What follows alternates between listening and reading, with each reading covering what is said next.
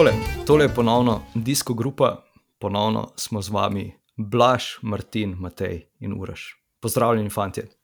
Živijo. Živijo. Um, ja, ne bomo uh, kaj dosti uh, dolgo vezili, oziroma nimamo kaj dosti dirk za prekomentirati. Uh, na vrsti je bila uh, prva pomladanska klasika, oziroma ja, prva klasika Milan San Remo. Um, zmagal je Matej Mohorič, uh, uporabo je Dropper Post in to je to. Fertik, lušno, uh, na spustu je zmagal in lahko zaključimo snemanje. Ajde, Ni bilo samo to. Ni bilo samo to. Um, ja, danes sem ti kar prevzel besedo, Blaž, pardon, eh, tako da ti jo kar predajam. Ti jo kar predajam. Uh, kaj vse se je dogajalo, oziroma ti si, ti si vseeno bil še na kakšni dirki več, poleg Milana, rekel, oziroma si, si ogledal kakšno dirko več. Um, ja, no, jaz sem uh, včeraj sem bil z malimi mladinci v Italiji na dirki, uh, tako da jih um, tele slovenske istre nisem imel časa kaj dosti pogledati. Um, ampak bomo na koncu tudi kakšno besedo uh, na to na- nanesel. Um, Drugač pa je, no, danes bomo um, govorili predvsem o Milan Sanremu. Uh, to mislim, da predvsem v zadnjih 15 km, prej pa ne vem, a, a je kdo od vas mogoče celo dirko gledal. Jaz, jaz res nisem, jaz sem šele zadnjih 20 km pržgal TV, sem bil prej na kolesu, tako da ne vem. A mogoče kdo od vas ve, se je prej kaj tazga, omembe vreden ga zgodil. Jaz sem začel gledati malo preden je odpadel Tom Pitcock na kapo Berta. Tudi jaz. Jaz pa, jaz. pa tam, z tem uh, obrazom nemočnim. In takrat sem pač tudi našo debato začel, da je to dokaj zgodaj, čeprav je bilo to v bistvu ne vem, 250 km od štarta. Ja, Ja, eh, pač očitno ima neke dost hude težave z želodcem, ki se pač čudežno pojavljajo samo na dirkah, kot so sporočili prej na Osgrenaders. Um, in zdaj preizkujejo, kaj bi lahko šlo na robe, preden ga bodo sploh poslali na kakšne naslednje dirke. Um, ne vem, lahko je kaj s prehrano, s pijačo, ki jo spije na dirkah in mu to ne ustreza. Ne Ja, v Mariboru rečemo temu rajze fiber, ne? da imaš tremo. Ne, Ja. tukaj po mojem, mislim, je pro, problem, po mojem, mislim, se to bojo oni bolj vedeli, no, ampak um, ob nekem naporu gre v bistvu ve, velik del um, krvi uh, v noge, se pravi mišice, ne, in v bistvu pol ta krik je prej nekje druge. In prva stvar, ki bo telo vzel kri, pa jo poslal noge, bo to izprebavila. Ne, in zato, recimo, je doskrat se pojavi v naporu, kakšen drisk ali pa kaj tasga. ne. Um, Tako da je tukaj tudi v njegovem primeru kaj tazga, ampak ja, pač gre se za to, da ni, on, da ni to zdaj, on šele začel se s kolesarstvom ukvarjati, ampak da to mora biti neka nova težava, ki ja, upam, da jo bojo čim prej odkrili, pa da, bo, da ga bomo videli spet nazaj, mogoče že dela spomladi, upam, da vsekakor kaj. Ja, uh, hitro zatem je bilo hitro. Ja, kar dokaj hitro. Uh, z vsemi tistimi klanci je nažalost uh, imel uh, kaj, težave z, z verigo tudi Peter Sagan, Peter Sagan, kakorkoli uh, naglasimo, uh, ki je potem, mislim, da na Čipresu moral krloviti že zadaj.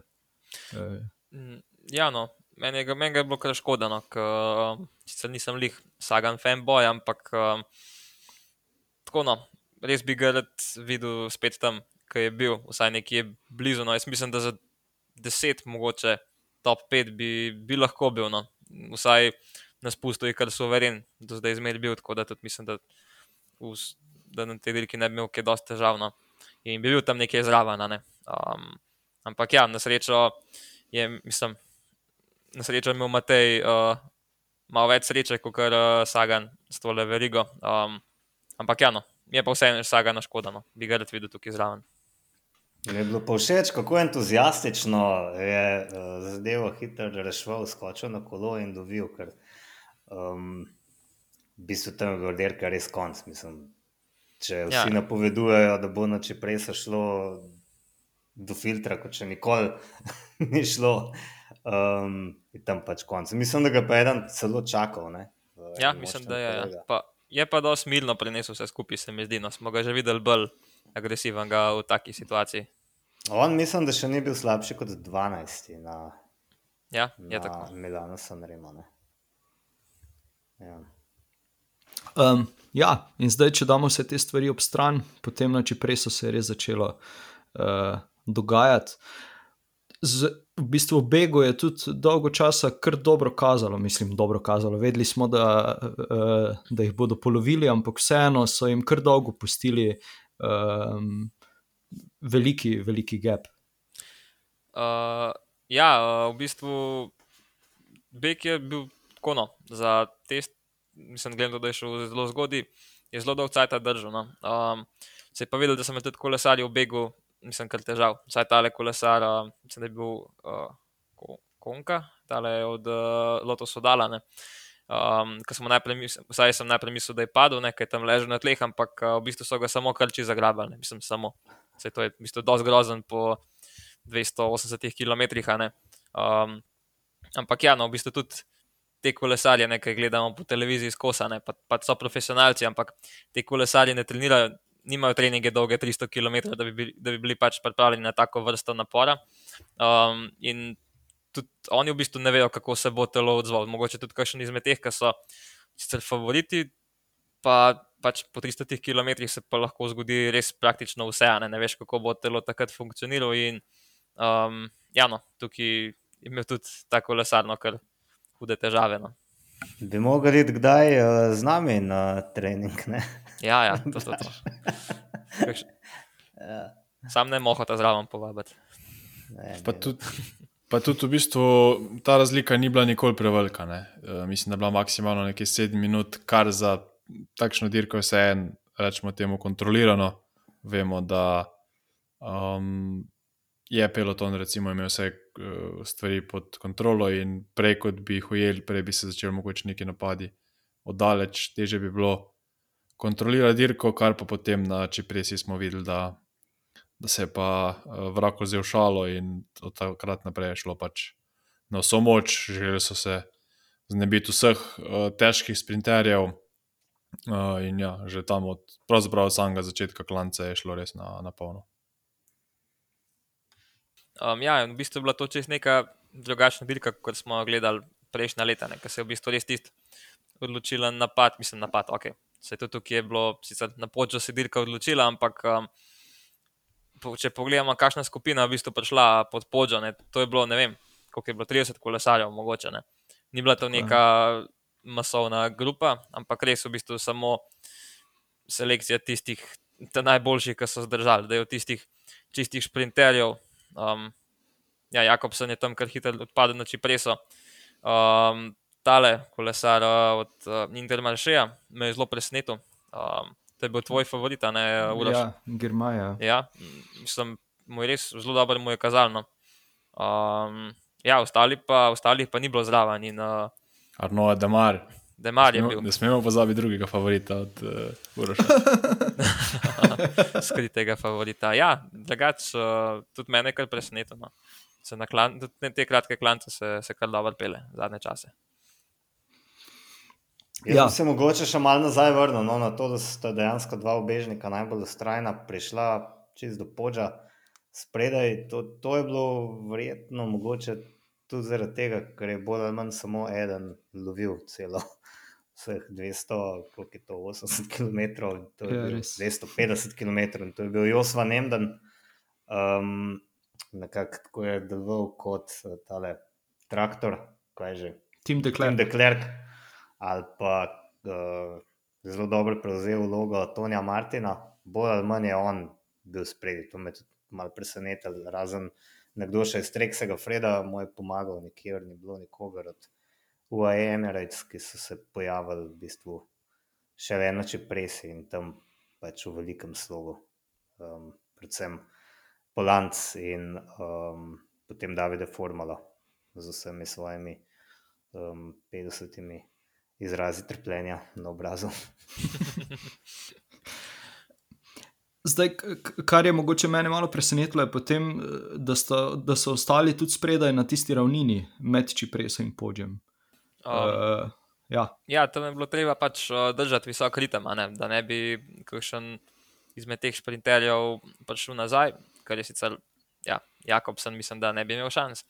Um, pa predvsem to, da se drži svoje kapetane v spredju. Da je, um, bi bila, mislim, že Roglič je recimo, začel um, podžo nekoga bolj zadnji, kot uh, recimo Van Ert.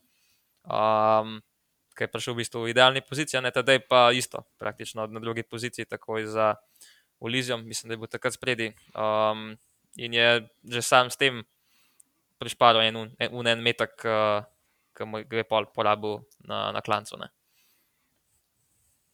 Ja, se tukaj lahko najbolj debatiramo, ali je bilo to smiselno ali ne. Mislim, da je Adam Blight, komentator na Eurošportu, se ni bilo čisto jasno, zakaj so na tej ravnini spredaj. Um, ker je vse en kar velika razdalja. Um, s tem so se pokurali in bi mogoče Mogoče bi na, na, na podžu lahko malo dlje narekovali še tempo, prednji je Pogačar napadal, ampak mi ne vemo, kaj je bilo v planu. Pogačar je res šel zelo zgodaj in um, potem se res nimaš kaj pomagati s pomočniki, če so kako tako spočiti, če tako skočiš. Že tam nekje na vznožju, praktično. Da, to bi lahko debatirali, ampak po mojem, um, ne bomo daleč prišli. No. Um, ja, tukaj v bistvu um, se je kaj dosti drugega v OEU ni preostala. Pripeljali so v bistvu pogačali pod podžo na drugi poziciji in to je bil v bistvu njihov cilj. Tukaj mislim, da formula pa v Lizi ne bi mogla kaj dosti pomagati, ker pač podžo je kratek klanca. Ne? In tudi tada je bilo v interesu, da proba to razliko um, čim prej narediti. Pač hotel izkoristiti celo dolžino tega klanca, ki je sicer zelo kratek, da bi se pač odpeljal. Edina pač težava je bila, da je ta klanc bil malo preveč položen in da se tudi za veterje malo preveč pozna. Um, pa da mogoče v momentu ni imel tistega rukarja, uh, ta pravega, sicer ene parkrat mu je uspel tisto razliko narediti, ampak um, so pa potem zadnje, ja, čim v bistvu prideš v zaveterje, um, je pol veliko lažje preključiti. In ko ga pa enkrat primeš, pa ga pa v bistvu ne boš kar tako spustil. Plus še to, da um, že na sam podžagor so serpentine tako zelo ostre, išlo pa ene parkrat kar uh, na mejo. Uh, tudi um, ene par navijačev slovenskih je bilo tam. Um, so mi rekli, ko so šli pogledat klan, že um, so šli zapeljati čez zjutraj, da je izjemno drsel, tako v bistvu klanc uh, kot spustno. So bili zelo taki, zelo so zlizani v vinki in uh, pač ja, je bilo treba tudi na klanc, kar volam brimzati. No. Je zdaj eh, eno informacijo. Um, ja, izvoli. Prosti, prosti, kar izvoli. Okay, uh, uh, ena informacija, ki še je, je mogoče tudi ta, uh, zakaj, zakaj ta dejo ni, uh, tako tako do, niso tako dobro uspeli ti razkoki. Boj, da je bil kar močen uh, kontraveter, ne? torej headwind, tako da je pač ja, se še toliko bolj poznalo za veterje, mogoče uh, pri tem. Izvolite, Matej. Ja, se, ravno to sem hotel omeniti. Okay. Ker je on skočil prvič, je imel pač nasprotni veter in na položnem klancu, kjer je poprečna hitrost, mislim, da je bila 37 ali 38 na uro, čez cel klanc, kar pomeni, da je moral ob skokih um, in v spodnjem delu, kjer je malo bolj položen, leteti kar dvoran čez 40 na uro. to je pa um, orang za veter. Ja, in mislim, da je sam tudi rekel, da je bila to napaka ampak je bolj izpostavil, da je bila napaka to, da je prezgodaj skočil. Um, jaz sem tudi sicer pred dirko predvideval, da bo poskušal um, izkoristiti vso dolžino klanca, narediti neko razliko. In ja, lej, zdaj, mogoče bi mu dejansko to tudi uspel, če ne bi imel tega zoprnega vetra, pa spet, če ne bi bili, kot je Blaž rekel, tako ostri v Vinki v enem, in mislim, da je ravno njega tako rekoč z ceste dol odnesel, ja. ker je pač enostavno prehiter. In mislim, medtem ko napadaš, bremzat je pa zoprno. Včasih smo se ražali tistim, ki so v Vink napadali. Um, on je sicer napadel pred Vinkom, ampak je potem prezgodaj prišel in moral bremzati. In se je očitno tega res mečkan na robe lotil, celega klanca in bo najbrž naslednjič poskušal tam, kjer poskusi tam, kjer se te napadi v bistvu izkažejo za uspešne. Ja, jaz, ja, jaz mislim, da je Soren Krak Andersen res dobro uh, izpeljal tisti svoj napad. Se mi zdi, da ima res nos, ker bi mu skoraj, skoraj da bi mu uspelo. No? Uh, mogoče, če ne bi bilo vseh teh eh, skokov že prej, da bi mogoče imel še on tudi kaj več uh, v nogah, uh, bi znal biti ta napad res uh, kar divji.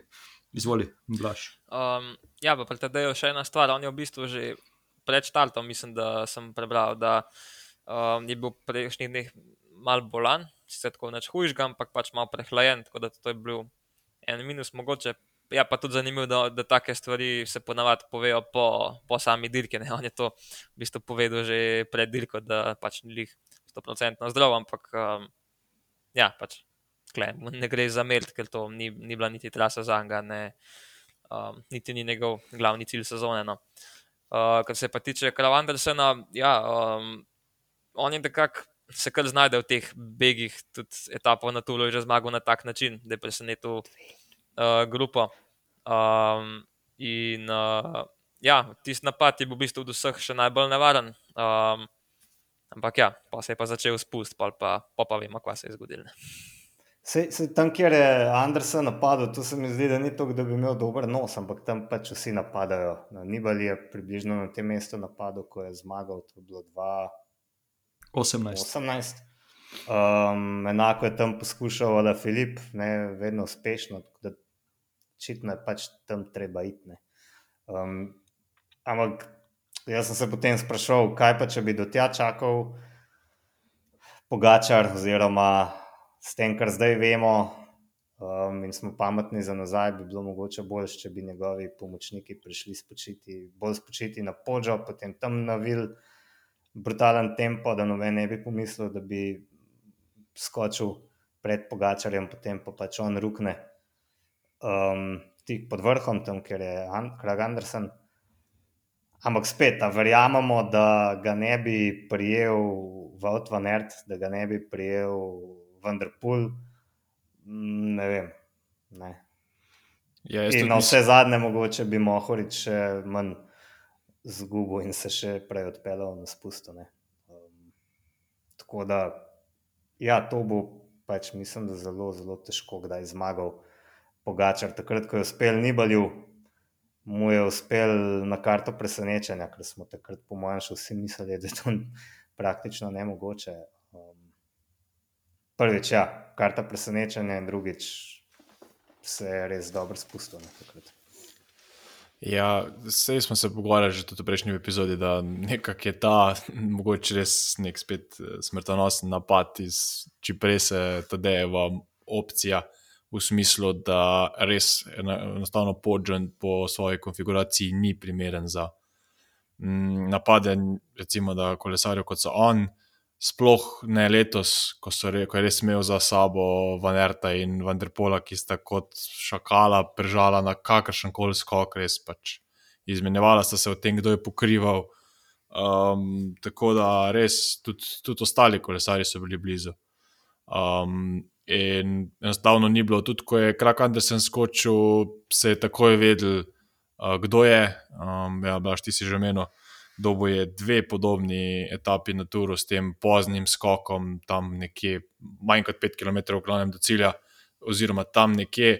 Uh, zagotovo ni bil nek outsider, vedeli so, da pač gre za res, uh, da se tam kolesarjev ne spušča več. Um, planili so za njim in tam so celo štiri naredili neko razliko. Ne. Na vrh podža so prišli, um, Krak Andersen, Pogačar, Van Ert in pa Vanderpol z nekaj malega prednosti, medtem ko je pa v zadju že uh, na prvi poziciji bil Mohorič ne, in potem vse skupaj se je prevesilo v res en izje- izjemen spust, predvsem, predvsem pa, pa je res šlo, šlo na glavo. No. Um, spomnim se komentatorja, ko je, ko je prišel Mohorič pred uh, Tadeja in je pač enostavno sta rekla komentatorja, da verjetno v Tadejevi glavi samo ne grem za tabo, jaz imam tur za zmagati. Uh, in verjetno res na nek način uh, Mohorič tvegal največ. Uh, spet lahko se pogovarjamo, Vanderpol in Vanert bo ta verjetno imela kasneje v sezoni, ne tako. uh, daleč v prihodnosti, više cilje, uh, bolj pomembne dirke. Mohorič je res imel očitno na koledarju z krepko označen ta datum, enostavno šel, šel na glavo, uh, izplačalo se mu je, ampak res ta, ta spust, to je bilo v bistvu najdaljših, ne vem koliko je, pravzaprav pet minut ali pa vse skupaj od vrha, podža, uh, tudi za vse nas, verjetno, izgubili smo nekaj živcev. Uh, kaj vse se je na tem spustu dogajalo, od najprej začetnih zdrsov, potem do tega, da se je odpeljal skoraj praktično po robniku, oziroma po tistih obcestnih um, kamnih, do, do težav z ketnom, ne vem, 900 metrov pred ciljem, ali pa še, še mogoče celo kaj manj. Um, in pa potem tista ravnina, ko smo samo gledali, kot tudi zaradi optične prevare, ne vidiš, kako blizu so. Um, tam je napadel še celo Turžis um, kako blizu je. Um, Matej, Matej je kar precej pogledoval nazaj, pa potem v balanco, v tla, na vso moč. In ja, to tisti uh, čas je bil kar, se je kar vlekel, ampak res. Um, Splačal se je in imamo še eno zgo odlično zgodbo za, za prihodne rodove. Um, ja, zdaj, uh, ena stvar še se je zgodila, ki je sicer uh, TV kamera ni ujela, nek padec, zdaj ne vem, kdo je vse tam točno zaostal. Uh, Bojda na vrhu podža, zdaj pa ne vem, ali je bilo to na spustu ali še, ali še pred, uh, pred tistim vrhom. Kakorkoli, tam je nekaj ljudi zaostalo, oziroma nekaj kolesarjev zaostalo. Um, drugače pa ja, Martin, kot si rekel, se, se je videlo, uh, tadejo, da je kar se ustavil tam z lovljenjem, ker je po mojem, vedel, koliko je ura. Mene najbolj zanima, kaj si mislil, ko je dobesedno iz prve vrste videl, kako je Mohorič uh, zapeljal z ceste v tisti ark. Oh, ja. Tisti je bilo res neumno, ne, da pač gledal v tla in pri polnem šusu. In, ja, tako kot je sam rekel, otroci ne, ne tega delati. Mislim, da je tudi sam rekel v intervjuju, da sta se pogovarjala pred dirko in da mu je Matej celo rekel: ne, ja. za mano. No, se, mene pa to všeč, ker to je vem, bil nek treš tok, tako kot pri boksu, ne, da pač greš do vseh in rečeš, fanti, ne me proba držati, ker se boste ubili. To je pač klasičen treš, to, da ne ženeš strah, ko si tekmec. In, uh... Ampak v bistvu ni, ne vem, če je bilo to potrebno, ker naslednja um, replika je bila: jaz se ne bom, ker si nor. In dejansko nekaj podobnega se je zgodilo, ker je tudi sam rekel, da ko je videl, na kak način je šel uh, Mohov ta spust, da je že v bistvu v prvem zavoju, tako si rekel, z dvakrat zdrsno, hvala lepa, uh, kdaj drugič. Ne? In to je pa nekako recept za uspeh, očitno. Ja, jaz mislim, da, um, da ni rabo ostale strašiti s tem, ker mislim, da vsi točno vejo, kako se on spušča. bi pa plačal milijon evrov, da bi videl izraz na obrazu unga kolesarja, ki je videl, kako je Mohorič pritisnil gumbek, pa mu je sedežna opora dol skočila. To, to bi pa tokrat videl, kaj se je tisti, ki je to videl, takrat mislil. Ka, A misliš, da niso videli že to na, na, na startu? Da... Mislim, pa ni spet tako opazna stvar, da bi jo videl. Ne, on se je okay. pred startom hvalil, pa vsem kazal ta bajk. Poglejte, kako se, se o tem govorim. On se je hvalil in ga kazal vsem mogočem, ne, po mojem, da se, Aha, vem, okay. se je kaj o tem govoril. Niti ne vem, če se tako zelo pasko za tistih 6 cm spustiš zid. Ja, en je, en je naredil raziskavo, pa je na Twitterju objavil video, uh, vmes, ko se vidi, kdaj je, kdaj je v bistvu spustil na spustu zid, pa potem kdaj ga je dvignil nazaj. Pač ja, ajde, opazi se, če veš, kaj moraš gledati. Ne? Če pa ne veš, kaj moraš gledati, pa mislim, da je to no, tako med vožnjo. To je kar res.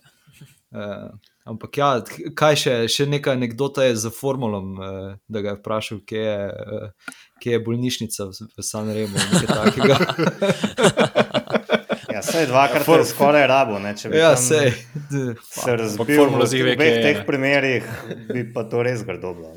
Ja, um, sploh tam tisti zdrs, uh, mislim, da zadnje feltne, uh, ki je popravil res na milimetre. Pač ne vem, če si predstavljamo, koliko je bil takrat blizu tega, da bi se razmontiral tam po, tismu, po tistih betonskih um, Klada, ali kar- ne vem, karkoli je bilo, ja. tista- Tam, ja, no, res bi se lahko zelo žalostno končalo, tam ampak da on je.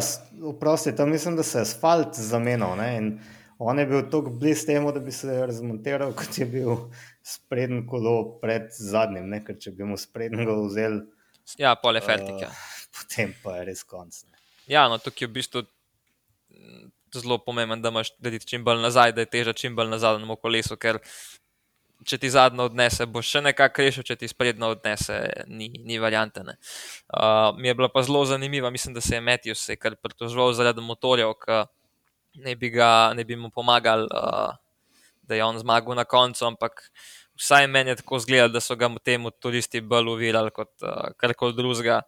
Um, tudi na kameri se je videl, da je Benkat res že čez zraven. Um, tako da ta, mislim, da ta kritika ni lih uh, na mestu, no, bila ta moment.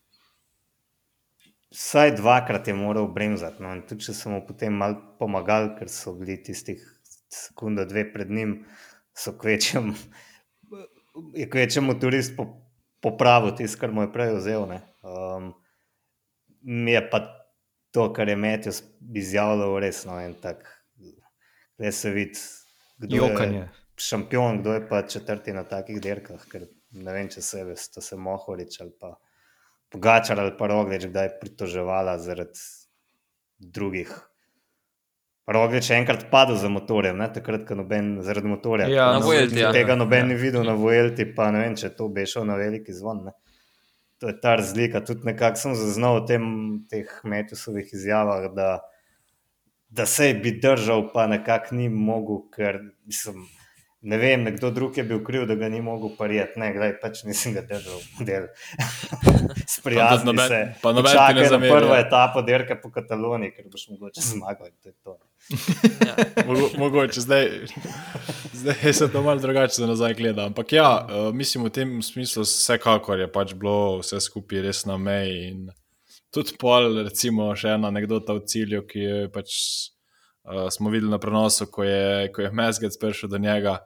Pa mu je rekel, boho, sam stari, to je bilo pa nevarno. In potem res te besede, pa res vidiš, da, da to je adrenalin naredi svoje in res. Uh, Um, že večkrat smo govorili o tem, kako dober sprostaš je, in še enkrat več je to pokazal. In, uh, tudi zdaj smo se že pogovarjali, um, večkrat je bilo v javnosti omenjeno, kako je nekako se malo izgubil v poprečju, seveda pač ob odličnih rezultatih Primoža in TD-ja.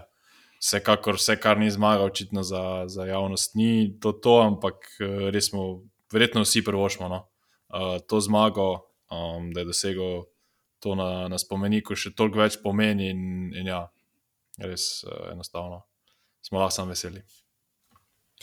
Ja, no, to sem tudi jaz doskrat je bilo to, ja, da je on v bistvu dosti pozno dozorel ali neke take besede so bile, ampak v bistvu to, kar je bilo pri njemu, je bil v bistvu en tak zelo zdrav razvoj, a ne? da ni bil tisti, um, ni imel vrha prvo leto ali drugo leto v članski kategoriji, ampak je v bistvu to trajalo malo več.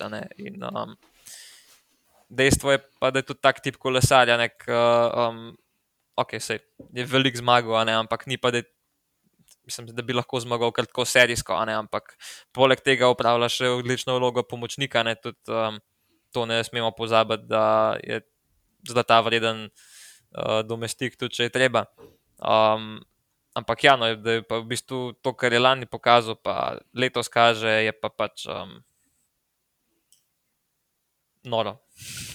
Ja, dejstvo. E, Jaz sem želel to reči, da če damo uh, Mateja ob stran, pa pogledamo še rezultate ostalih slovencev, je tudi, mislim, ne, kaj. Če, če za superlativi rečemo, je neverjetno, kaj se dogaja. Mislim, dejansko so, dejansko so tam bili blizu vrha, no? mislim, krojili dirko, vse, vse ostalo. Predvsem mogoče Jan Tratnik, eh, ki, ki ga niso toliko izpostavili eh, na, na prenosu ali kakorkoli, ne se je tam zraven vozil, pa pač ja, definitivno, mislim, res noro, no, res noro. Ja, no, na Tratnika tudi ne smemo pozabiti, ker on je pa ja, poleg tega, da je v bistvu že najbrž med samo dirko upravil kar velik dela, pa tudi pol na koncu, ne, da je Bahla najbrž ni zdaj šel na to dirko, da bi bila in Tratnik in moho kapetan, ampak je pa zdržal zraven, pa hkrati je še na spustu, spust mogel dosti dobro odpeljati, da ga je pol končal v bistvu praktično v prvi grupi. Um, in mislim, da je tudi to za njega kar velik uspeh. Uh, mislim, da na monumentu do zdaj še ni bil deseterici, tako da tudi ne mu vsaka čast. Mene je mogoče malo roglič razočaral. Um, pa se ne vem, kje je bil pol na koncu, 13 ali malo zadnji. 17, 18. 17, mislim, da je. Um, ena teorija je, da je bil utrujen po tistem izletu v Franciji. Aha, se- si, si poslušal Krisa Hornerja. Ne, nisem Krisa Hornera, ne poslušam več, ker če se mi je zdel lani še zabaven, ga pa zdaj organsko ne morem več No, prenašati. ampak ima ima pa nekaj skupnega, kar je točno to tudi on izpostavil, vidiš. Ja, ne, sej, to se jaz sprašujem, ne, je to bil problem ali, ali pa mogoče, kar se meni zdi bolj verjetno, da pač ni v tisti res vrhunski formi. Um, ne, jaz sem pričakoval, da bo bolj v pomoč v Nertu, pa na koncu ni bilo kaj dosti, um skok, ga je izvedel, se mi zdi skoraj bolj, da ga ne bi, ker je s tem sem še enkrat spravil v Nerta v rdeče. Um, Tako da ne vem, jaz upam, da je to, da, je, da pač nima Kris Horner prav, ampak da gre samo za to, da še ni v tisti top, top, top formi, um, kar se je mogoče kazalo že na dirki po, um, kje je že dirkal, Parisnica. Resnica. Um, ker je pač zmagal, ne? ampak ne s tako lahkoto, kot smo ga gledali leto, dve nazaj zmagovati na etapnih dirkah. In ne vem, jaz po svoje se mi zdi to, da še ni v dobri formi, fajn, ker bo tako pač v vrhunski formi na. Mislim, da dirka Valonsko puščico, ne, gotovo pa lež, baston lež, se mi zdi, da je najbolj pomembno, da mu tam leti v tem prvem delu sezone. Pa Baskija. Pa Baske, ampak dobro, tam ja. Ja. je že zmagal. Pač Ja, jaz si želim, ja, da zmaga Lež, Baston Lež še enkrat. Um, ne zato, ker je nekdo prehitro roke dvignil. Um, ja, no, jaz tudi mislim, da pa uh, Jumbo tu gleda malo na dolgi rok, da um, ni bil za njega zdaj tale um, Milan Sanremo vrh sezone, a ne. ampak uh, da je za njega vsem dobro, da se je šel malo aklimatizirati na, na kocke, uh, da se je sploh mislim, da prvič srečal z njimi, če naštejemo lan na svetovnem. Um, in ja, da tudi tu menimo, se tudi tam se je vrhunsko vozil, ne, se je v bistvu bil ujet, tisto skupino so jeli šele lih mal pred ciljem. Um, tako da nekako ta krsten nastop na kockah um, je odlično izpeljano. Uh, tako da upam, da tudi na turu ne bo imel, uh, kar se tega tiče, kaj dost uh, nekih večjih težav. Uh, Drugač pa, ja, kot si prej rekel, ja, vozil bo Baskijo, pol pa Valonsko puščico, pa Lež, Baston Lež, pa Dufini pred turom še. In bi še nekaj rekel, da na tej francoski dirki s Tlakovci, ki zmer pozam, kako se imenuje, po enem kolesarju. ne. Denaj. Denain. Dena, ja. Um, mislim, za razliko od Krisa Horna, res mislim, da tam ni prav velik, mislim, zagotovo, ampak ko so tam bežali s tistimi tremi iz Ineosa, pa še, še en, dva sta bila zraven, on večino časa sploh ni menil, ne, tako dost. dost Tudi to je Kris Horner rekel. Ja, in mislim, Vse so meni. isto derko, najbrž, ne? ampak um, ne bi rekel, da se je pa tako totalno tam skuril, da potem ne bi mogel čez dva dni še Milano San Remo korektno odpeljati. ne. Um, tako da, kle, se, govorivo isto kot, uh, govorim isto kot Kris Kornar, se pa z njim ne strinjam popolnoma. No? Ne, se to toči zastopam. a. Ne, klej moramo gledati, da ni sam ta dan dirke bil problem. Ne. Problem je bilo to, da je on uh, mogel priti uh, prvo ke, v Francijo, tam kaj dirku, pol pa plus še en dan transferja do Milana in tudi to ti pobere ne, en del regeneracije. Ne. Um, tako da, ja, Ja, no, sicer pa ni bil toliko izgovor, da zdaj, mislim, se ni bil tudi da je naj, najfavorit, tudi ne mu trasa ni jih ustrezala, ampak uh, ja, no, ima boljše za njega, da zdaj le, mislim, da ima vrh forme takrat, ko je to treba, in ne zdaj ko so za njega manj pomembne dirke. Um, ja, zdaj, če, če skočimo v, v, na tisto francosko dirko, vprašanje, kako bi se razpletlo, če ne bi tam uh, Jonas Wingegard imel uh, tistega defekta, pa bi mogoče še on zraven skočil. v tisto ubežno grupo. Um, pa kdo se, kdo se je tam razbil, Leonard Hofstad ali kateri drug, se ne vem točno. Uh, ja, Mislim, da si je kolk, ja. pa, pa gležen zlom, tako da tisto je tudi. Uf. Eh, Tisto je tudi bila ena težava, ampak ja, zdaj za, za, za Milan San Remo pa. Uh, ne vem, jaz tam pred tistim stopom v Čipreso je, je ostal čist na drugi, na drugi strani uh, pelotona, uh, pa ni mogel priti zraven v tisti vlak, tako da po mojem je tam zgubil kar nekaj močino, da je, da je potem vse to skupaj uh, prišlo na svoje mesto, ali kako bi temu rekel. Uh, tako da ja, drugače pa, če se še enkrat vrnem nazaj na, na svoje besede, se mi zdi, da so res vsi slovenci. Uh, se zelo, zelo izkazali na, na tem Milan San Remo. No. Vključno z Lukom Mezgecom. Pač res vsi, ki so štartali, se mi zdi, da, so, da, da se nas kar bojijo druge nacije. No, bom tako temu rekel. In štartalih je šest od sedmih, ki dirkajo World Tour, ne? samo Točno to. Novak je ostal doma. Točno to. Uh, tako da, ja, uh, če, če zdaj pa nadaljujem to temo, ne, um, uh, se nas bodo na svetovnem in evropskem prvenstvu res lahko bali, uh, mogoče tudi zaradi novih dresov, ki so jih predstavili ta teden. Ja, novi zdaj- so. Ja. No, meni se ne zdijo popolnoma za nič. Ne? Ta zelena barva mi je še kar všeč. Všeč mi je, da niso preveč šarani. Všeč mi je mogoče, da enkrat za spremembo ni gor nekega stiliziranega triglava, ki ga najbrž razumemo samo slovenci, pa nihče drug.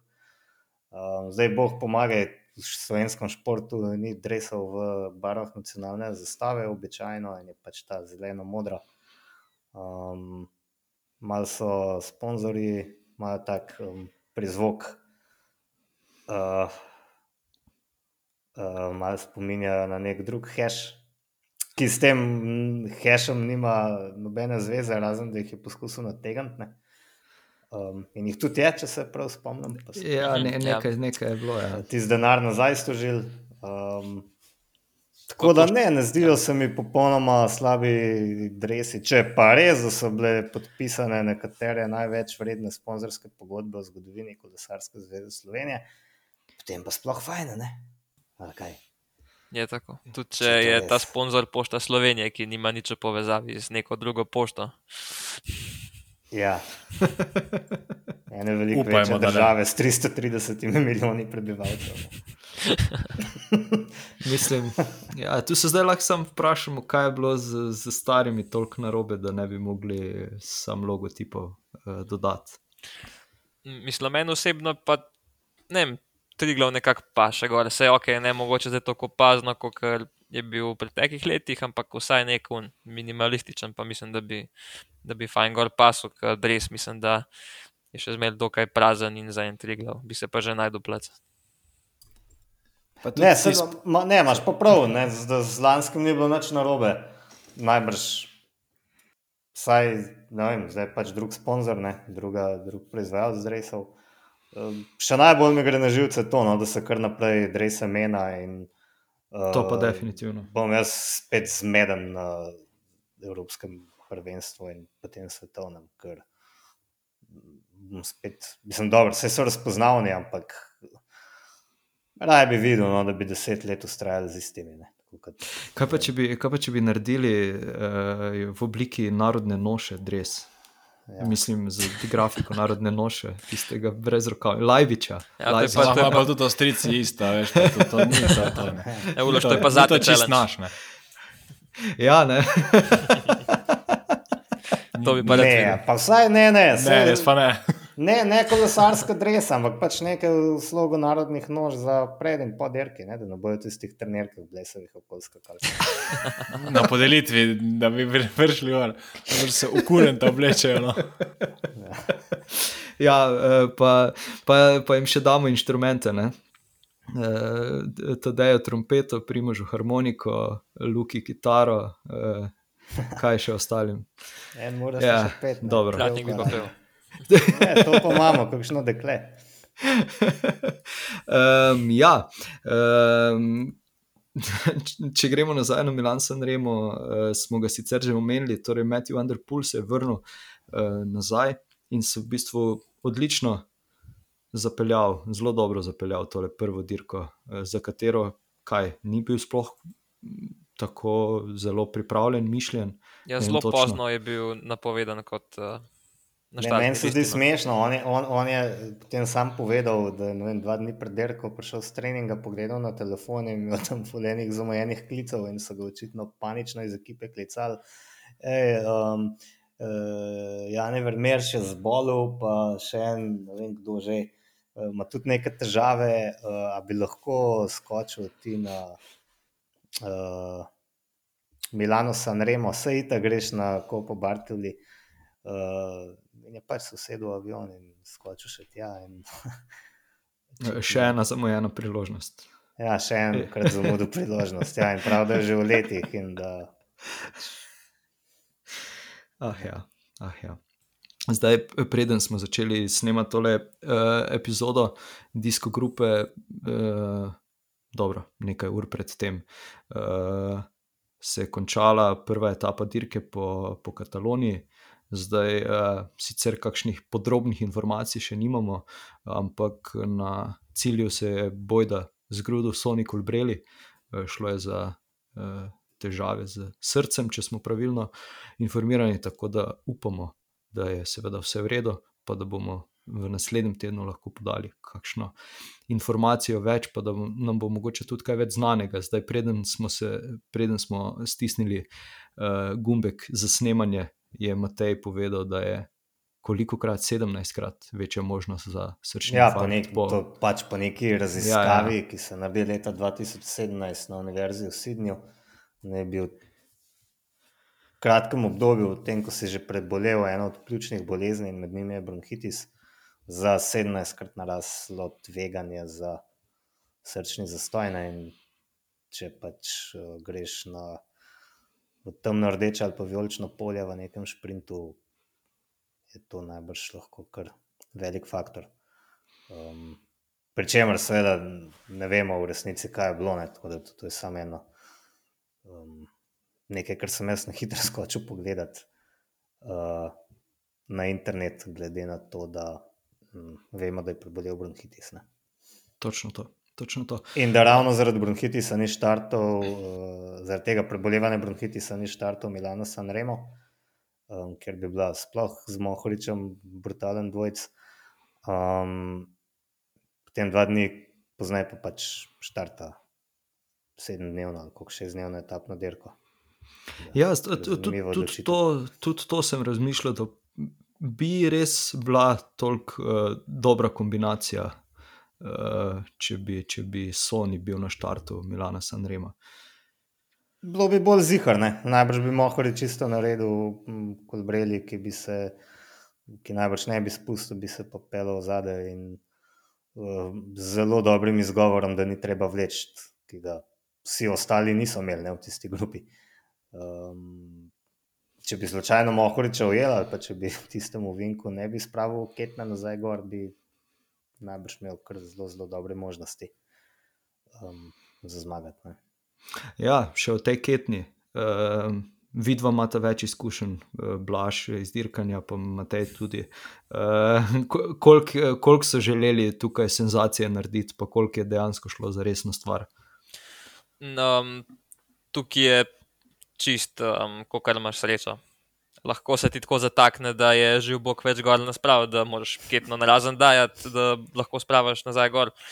Če imaš pa srečo, pa ja, če imaš spredi menjalnika, ne, um, vsi ga nimajo več, um, se pa dano. Um, načeloma, um, predvsem je važno, da ne potegneš, ne obrneš padala na hitro, ampak da, da počasi probaš vrteti, s tem, da imaš tukaj ni imel časa počasi vrteti. Um, ja, je, mislim, lahko bi se veliko slabše končalo. No. Um, ampak ja, na našo srečo je bilo, je bilo vse kul. Cool. Predvsem je za močo, ker je jih tam predstavljal, ne? to se ne dela v Vinku in hkrati z ležečim policajem. Um, ampak mislim, vse ne dela, ampak vse se pa običajno pač to ne zgodi. Moš imeti res še smolo zraven. Um, Obenem pa mislim, da je zelo veliko od kolesarja odvisen, kako odreagira. Da je vsem, on sem tam, kljub temu, da ni imel časa in tako naprej, je v tistem delčku sekunde vsem prav odreagiral, tako kot je Blaž rekel, mirno, pač potegnil ketno nazaj gor, da ni panično pritisnil še naprej. Um, mogoče je pomagalo to, da tudi tako smešno nizko kadenco vrti. Tako da je malo ja, manj, mal manj nasilni, malo manj nasilni gibi so potem. Um, ker ta njegova kadenca, to je pa res grozno. Zaradi te kadence je zgledal, da ga bojo ujeli, ker je zgledal, da se nikamor ne premakne. Ne. Ampak pač samo vrti neko nenormalen prenos. Ne. Um, tako da, ja, to je to. Ok, ok. Uh, ja, v cilju je Matej dvignil tole svoje kolo, za katerega si rekel, Matej, da se je že na štartu uh, bahal z njim, kakorkoli. Zdaj, če bi vsi vi, poslušalci, radi pokazali svoje kolo, uh, imate to odlično priložnost, da poslušate naše napovedi na Instagramu uh, za določene dirke. Poskusite napovedati svojega favorita ali zmagovalca, in če za res zmaga, lahko prejmete nevidkota. Uh, to se je zgodilo Mihi, ki je na pol pravilno povedal, uh, napovedal zmagovalca, ki smo ga vsi uh, uh, mogoče izpustili ali pa ga nismo upali napovedati, torej Mateja Mohoriča. Uh, tako da mi ga priznamo ti pravilen odgovor, pa ti pošljemo tega nevidkota. Uh, vsi, ki pa nimate te sreče, pa bi si vseeno želeli pokazati svoje kolo, uh, lepo pofotkano, pa hitro odklikati, pa nas podpreti, nekako tako. Sem dobro to povedal, mi je uspelo. Eh. Odlično, odlično, odlično. kot vedno. Ja, ja. Um, ja uh, zgodila se je še uh, velika nagrada uh, slovenske Istre. Um, Martin je, je gledal uh, spletni prenos, oziroma nas je vse včeraj malenkost prestrašil z, z tem, da so zgrešili cilj ali nekaj podobnega. Uh, na koncu pa je povedal, da so kamermani zgrešili cilj, tako da so kolesari varno prispeli v cilj. Ja, klasična klasična misinformacija mis iz medijev je prišla tukaj z moje strani. Uh, ja, jaz sem pogledal v bistvu zadnjih pet km uh, tega prenosa.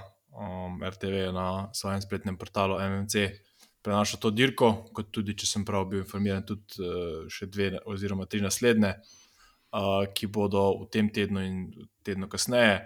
Uh, kar je zagotovo zelo pohvalno, in na tem mestu je treba reči, kako besedo o tem, da Mm, da imamo možnost gledati uh, dirke na naših tleh, čeprav je pa treba tudi po drugi strani povedati točno to, kar je že Uroš omenil, da pač kvaliteta razumljivo ni na istem nivoju. Vemo, vemo, kakšni proračuni so v, v medijskih hišah, uh, Eurosportovih in podobnih, koliko denarja gre za prenose. Uh, in ja, v samem um, zaključku v Izoli uh, so nekako um, v bistvu nekako izgubili, vsaj po mojem občutku, prvo uh, stik z prvim motorjem, se pravi, signal iz prvega motorja ni bil več uh, dosegljiv uh, in nismo vedeli, kaj se dogaja v spredju. Um, in smo dobili sliko samo od zadaj, in pa potem naknadno je bil še na voljo celo en dron, ki je tam na tisti zadnji ravnini posnel, ampak predvsem glavnino, ker sta pa že nekje 3 km ali pa nekje, nekje tam napadla dva kolesarja in sicer Daniel Over in pa Oliver Stockwell, um, si prevozila uh, kar lepo prednost in sta uspela uh, sicer precej manjšo uh, obdržati do konca, tako da v bistvu je bila njena prednost na koncu 3 uh, sekunde. Uh, Avstrijec je uspel v, špri, v sprintu zmagati. Um, izpostaviti pa treba tudi uh, Mateja Žakovekarja, uh, ki je bil kot najboljši slovenec na, na petem mestu. Um, tako da, ja, kolikor sem pač uspel tudi razbrati malo iz trase, uh, je bila zagotovo ena zanimiva dirka. Um, in res tako zelo pozdravljam tudi, da se pač na slovenskih cestah začeli nekoliko več uh, dirkati in pa predvsem zaradi uspehov naših uh, profesionalcev se tudi mogoče tem dirkam, ki se v uh, preteklosti jim ni devali toliko pozornosti, pač uh, zdaj v zadnjem času namenja nekoliko več uh, same pozornosti. Uh, Ja, jaz pa sam sicer uh, dirke nisem gledal, vsaj prenosane, uh, sem pa govoril malo s fanti, uh, ki so vozili tole. So rekli, da je bila dirka um, izredno selektivna. No, da, um, če, če pogledamo, ne, do cilja je prišlo samo 59 kolesarjev, um, pomeni, da je bila res, res težka. Uh, sploh teli takratki krogi na koncu bili zelo kaotični, um, tudi ene par pacov, nažalost je spet. Um, po tleh šel uh, Anžej Skok, ki nekako nima sreče v tem prvem delu sezone. Um, sicer je bilo vse v redu, se je pripeljal do cilja, ampak je izgubil kar veliko kožena. Uh, tako da upam, da v nadaljevanju da bo imel malo več sreče s tem. Um, zmagal je pa Daniel Lauer, ki je pa nekako um, moj leto že drugič rata na tak način zmagati. Uh, s tem, da je nekako presenetil uh, skupino uh, tik pred sprintom, se je odpeljal in na koncu v bistvu zmagal. Ne? Na tak način je zmagal tudi že v Umagu. Um, se pa zelo dobro voz, po, zelo dobro se znajde v teh, uh, kot bi rekel, balkanskih državah, če tudi mi pašemo tukaj zraven. Zmagal je tudi že v Kranju, uh, v Umagu in pa tudi uh, v Banja Luki, tako da uh, se kar očitno ta teren kar odgovarja. Uh, tako da ja, mislim, da že v nedeljo nas pa čaka še dirka v Gorici, uh, se pravi še ena UCI dirka v Sloveniji, tako da uh, nova dirka na koledarju. Uh, in uh, ja, no, jaz že komaj čakam in uh, upam, da bo čim več navijačev tudi tam ob cesti stal. Tako je. Tako je. Um, ja, kot ponavadi, velja še kaj omeniti. Sem še, kaj, sem še katero temo pozabil načeti, uh, da bi jo veljalo uh, predelati, omeniti razdeliti, kakorkoli. Mogoče mogoč čisto na kratko. Prej smo že omenjali uh, prvo etapo dirke po Kataloniji, pa ja, v bistvu po 500 dnevih zmaga Matjusa. Um, to je tudi tako, se mi zdi, ker. Pritoževanje je pomagalo. Ker precejšen menik, oziroma um, dolgo, dolgo obdobje brez zmage. No. Na zadnje mislim, da je zmagal Bretanš klasik, ne? 2020, če se prav spomnimo v Franciji. Tako, tako da. ko je zlezel mezgaca. Je tako. Ja. Je pa mislim, da točno to etapo, oziroma s točno takim ciljem zmagal tri leta nazaj uh, na dirki po Kataloniji. Tako da mu ta, to je tako smešen sprint v dost strm klanc, pa dost dolg sprint je bil. In, ja. Takrat mislim, da je Valverde premagal ja. ja. uh, tistim sprintom. No. Torej, se ve potem, kakšen je ta sprint, če tudi Valverde v spredju. Ok, okay ja, zdaj o dirki po Kataloniji bomo lahko kaj več povedali. Uh, naslednji ponedeljek. Uh, zdaj pa predlagam, uh, da gremo na, na trive vprašanja.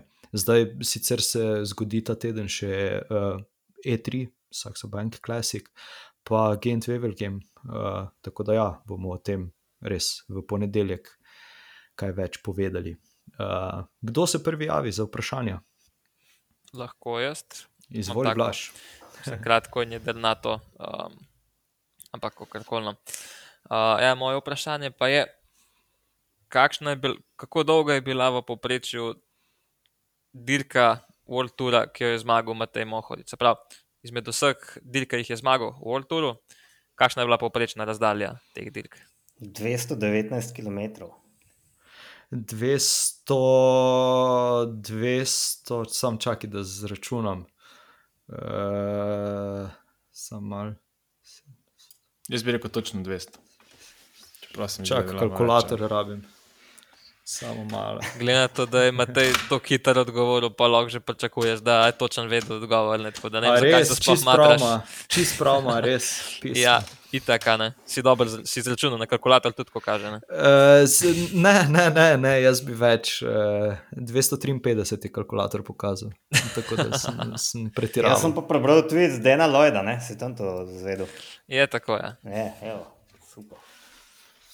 Ok, ja, jaz sem računal uh, z malo večjimi razdaljami, ne vem zakaj. Okay. druge, druge note si uporabil. Ja, ja, ja. Uh, v palcih. Okay. Um, Matej, izvoli, bom kar predal tebi besedo. Aha, um, meni je zelo na živce, da se vsega drugega talenta začne primerjati z Edem Merksom. Um, Me pa zanima, ker kolesar ima pa za Edem Merksom največ zmag v karieri.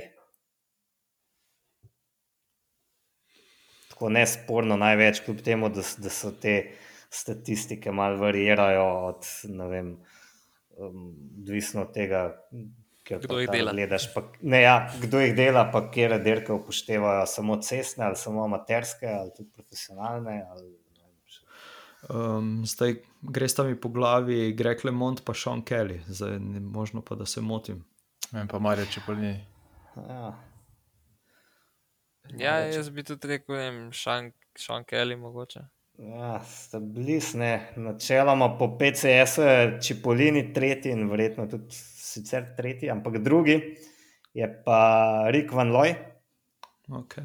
Belgijec, ki je bil v zaključku kariere m, glavni rival Lerija Merksa, ampak ko se je Merks pojavil, um, v bistvu Rick Van Looy skoraj nehal zmagovati.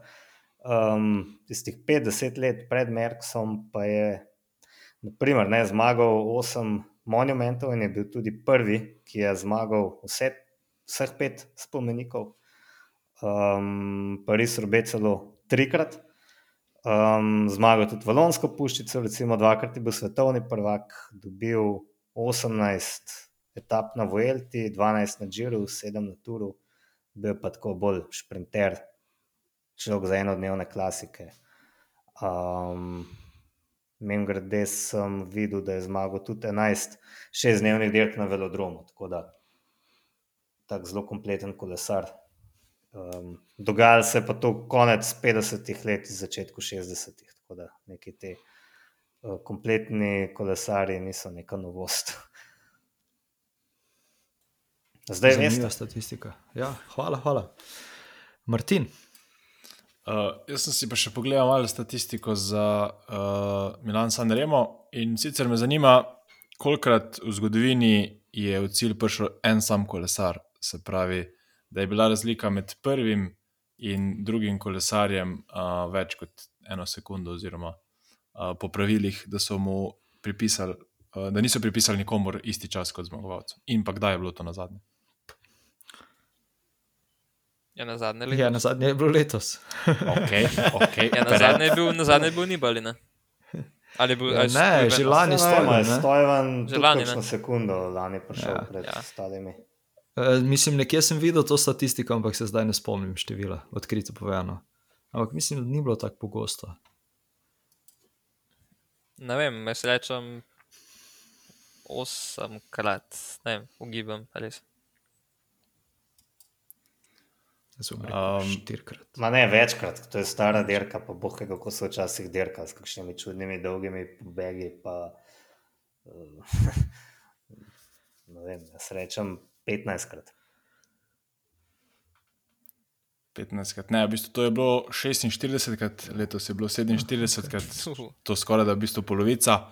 Uh, Ampak nis, ni- ne vem, če smo, smo definirali, kdaj je bila na zadnje. Lani ni bila na zadnje, lani sta imela isti čas. Mhm. Pele pivo in je pač imel isti čas potem kot uh, jaz prestojen. Ja, Aha. pa, pa je moral res biti Nibali, je. ne? kdaj se Ja. ja. rekel, 2018. Ne. To je bilo leta 2008, ko je zmagal Fabien Cancellara. Aha. Um, leta 2018 je prišel 18 kolesarjev skupaj, ponovno na drugem mestu Caleb Ewan. Um, tako da je imel isti čas kot pa Vincenzo Nibali. Arno de Mari je bil takrat tretji, um, predvsej dosti podobno. Um, ampak ja, 2008 je v bistvu prišel uh, Fabien Cancellara, uh, 4 sekunde pred Filipom Pocatom. In Filipo Gana je letos si želel izvesti nekaj podobnega kot kančelara takrat. Ja, bi človek rekel, da je blizu bil. Another missed opportunity. Ja. Ja. Um, ok, cool. Uh, kot sem že prej rekel, nas ta vikend čaka Hent Wevelgen.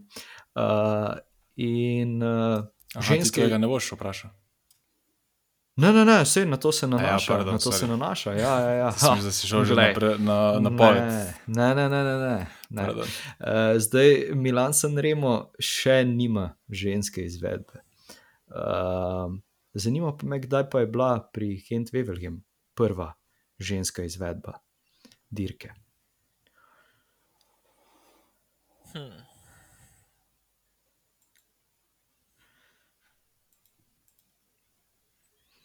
Tišina.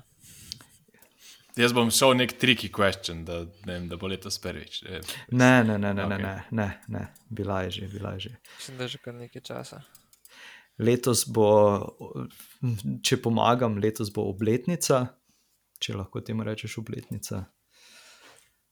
Koliko deset let? Več kot Deset deset, let. po mojem, ne more biti. Ja. Ja, deset, deset let je pravilen odgovor. Ja.